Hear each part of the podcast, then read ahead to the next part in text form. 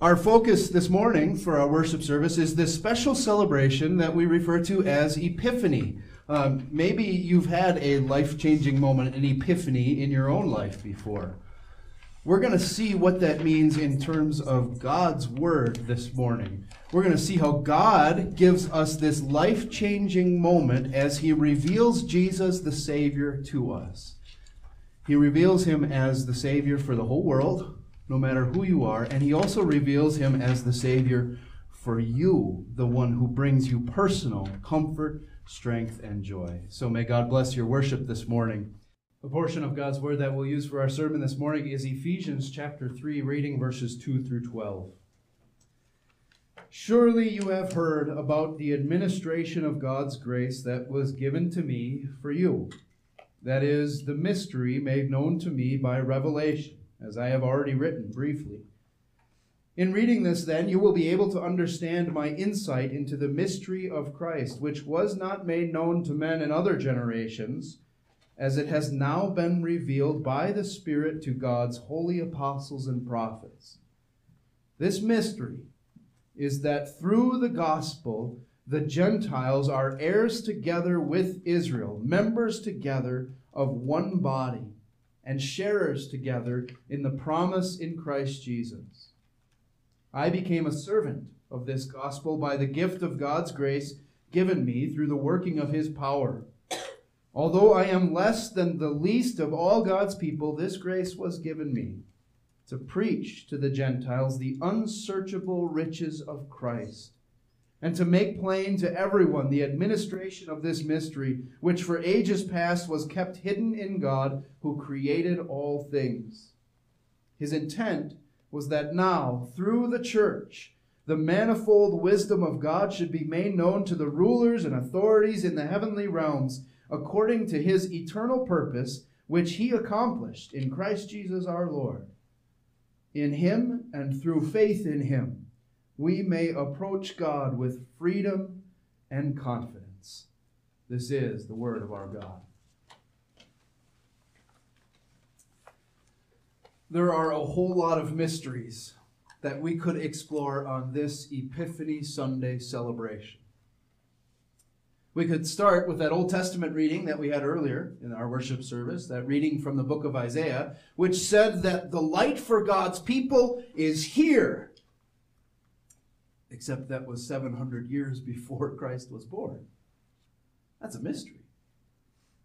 We could dig into the gospel, that familiar story of the visit of the Magi, and explore all the mysteries there. What's with that star? Why and when did it appear? And, and how exactly did a fixed astronomical object lead the Magi to Israel? And speaking of the Magi, there's a whole lot of mysteries there. Who exactly were they? Where did they come from? How many of them were there? And, and why don't we hear anything else about them in the rest of Scripture? The mysteries don't end there either. How did these magi understand that this child that they met in a house in Bethlehem was a king? Worthy of their praise and their gifts. What were Mary and Joseph thinking during this entire visit?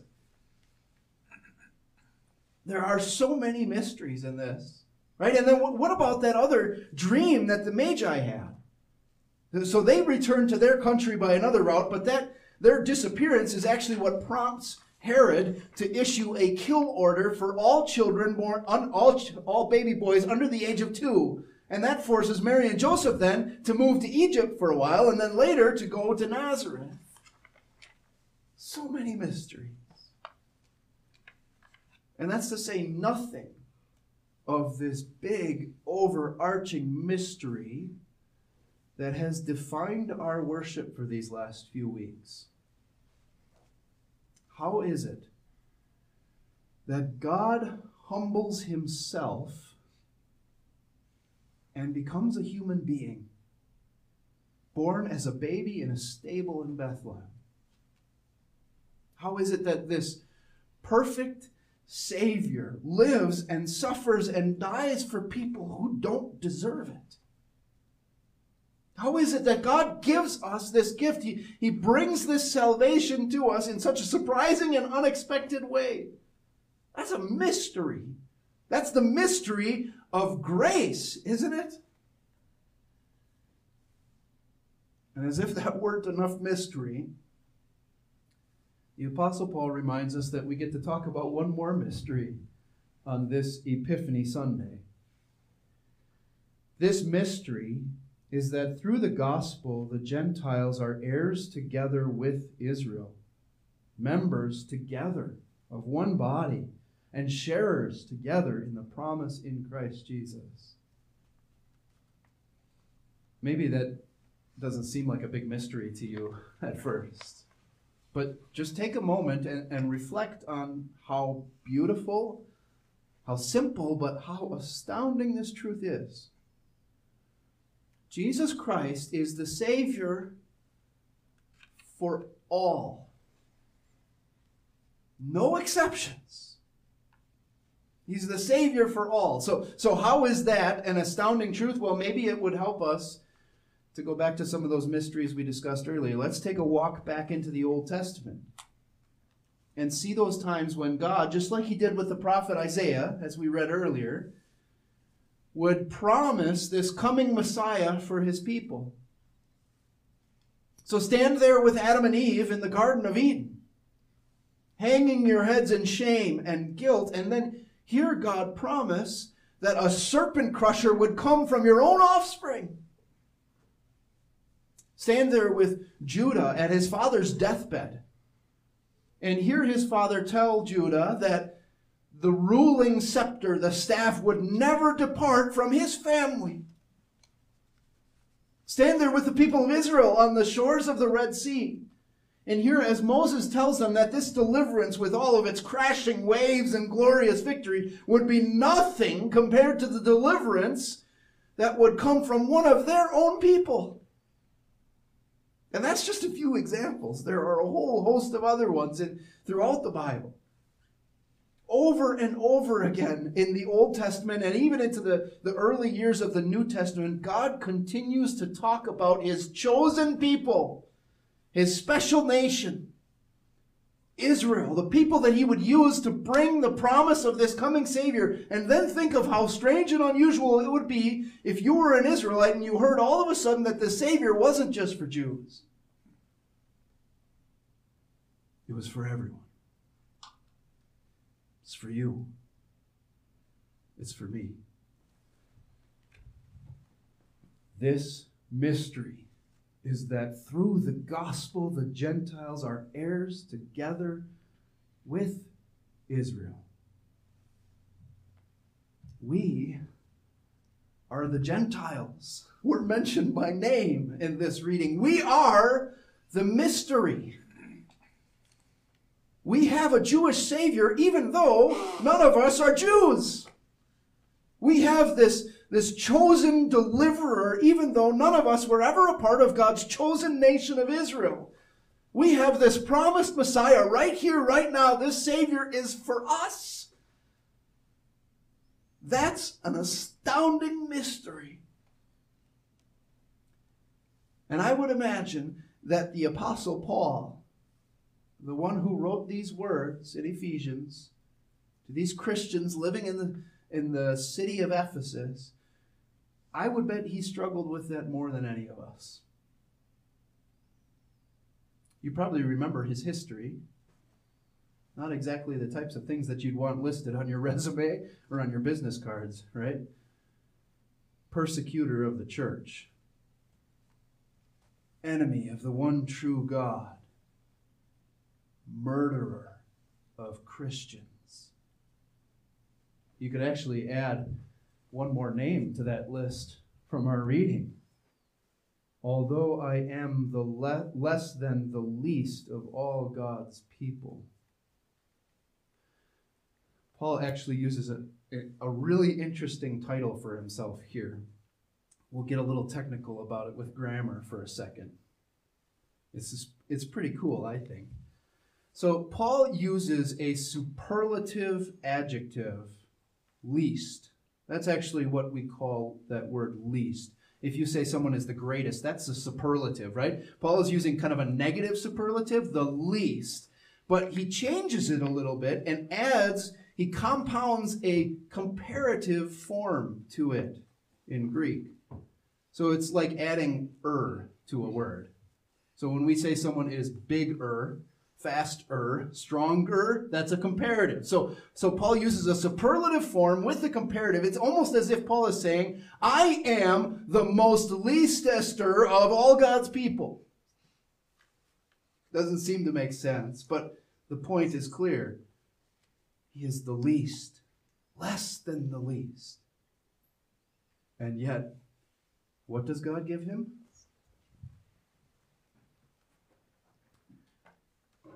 Although I am the less than the least of all God's people, this grace was given me to preach to the Gentiles the unsearchable riches of Christ. Here's an incredible mystery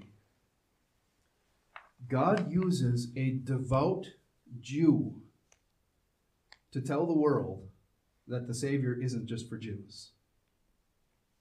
God uses a, a religious zealot, someone who had such great nationalistic pride that he was willing to kill other people, murder other people who didn't agree with him, even his own fellow Jews. God takes this enemy of God's word and literally knocks him over with the grace of God and reshapes and recharts his life on a path of care and compassion and mystery and, and mission work. It's a mystery enough that God would declare that this Savior is for the Gentiles too. But it's a compoundingly uh, astounding mystery that God would say this Savior is for people like this, for the most leastester of all God's people. And that's actually the other place where we're mentioned directly in this reading, too. This Savior, the one that we celebrated and rejoiced in at Christmas time, is for the most leastester of all God's people. It's for people who have a past, just like the Apostle Paul. It's for people who have murdered yeah, maybe with their hands, but especially with their hearts, harboring hatred where no one else can see it. It's for people who have been religious zealots, not for the Word of God, but for the world and all that it offers the, the fame, the attention, the money, the politics, the power. It's for people who have taken God's word and this gathering of his people for granted, who say, ah, what's the big deal if we skip church? Who cares? What's the big deal if we don't do daily devotions at home? Who cares? It's for people who judge others, who look at the ones who come through our doors and say, What are they doing here? The Savior is for us for the most leastester of all God's people, it is important that we understand that that's us. We do not deserve God's grace. We deserve the opposite. And yet, what does God give us?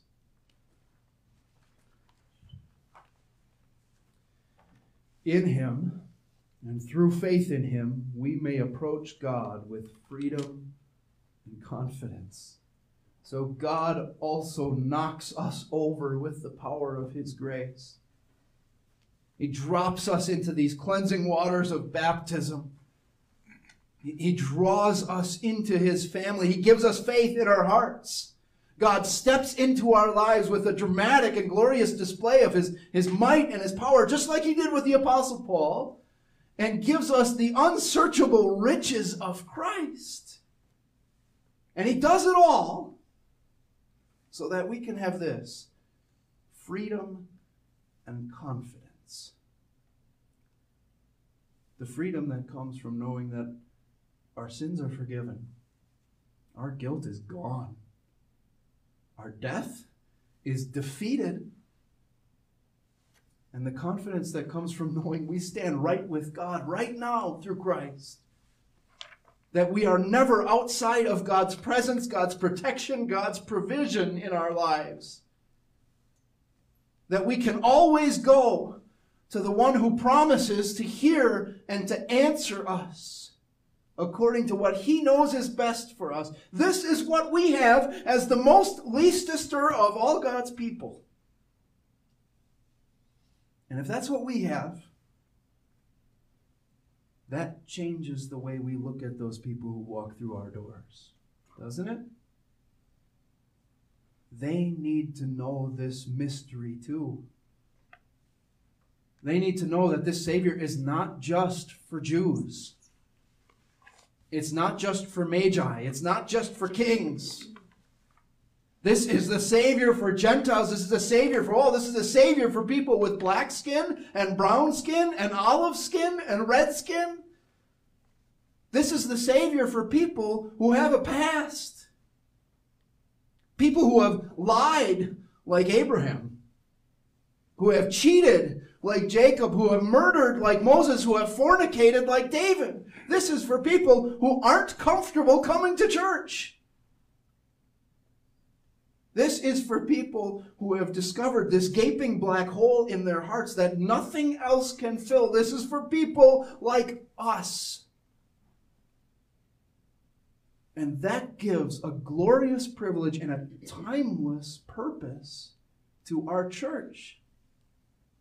Because that means that we get to be the ones who open the door for them and say, You will find what you need here. It means that we get to be the ones who smile at them and welcome them and talk with them and, and show them what it means to be a member together, an heir together, a sharer together in Christ. It means that we get to be the ones who pick them up when they fall. We get to be the ones who are there for them. We get to be the ones who, who will hold them when they crumple with grief. We get to be the ones who celebrate with them when they, they erupt with joy at God's blessings. We get to be the ones who administer God's grace. Baptizing, communing, singing, speaking together with them. There are a whole lot of mysteries that we could explore on this Epiphany Sunday celebration. And as we dig into them, as we study God's Word, as we ponder these mysteries more and more, we come to realize that really the explanation for all of them is pretty simple it's a miracle. It's a miracle of God's grace. Those distant Old Testament prophecies, 700 years before Christ, miracle. The visit of the Magi, that star, miracle. All that information that we don't know, it's a miracle. And the same thing goes for the mystery of God's church for this. For what happens right here. This is a miracle of God's grace.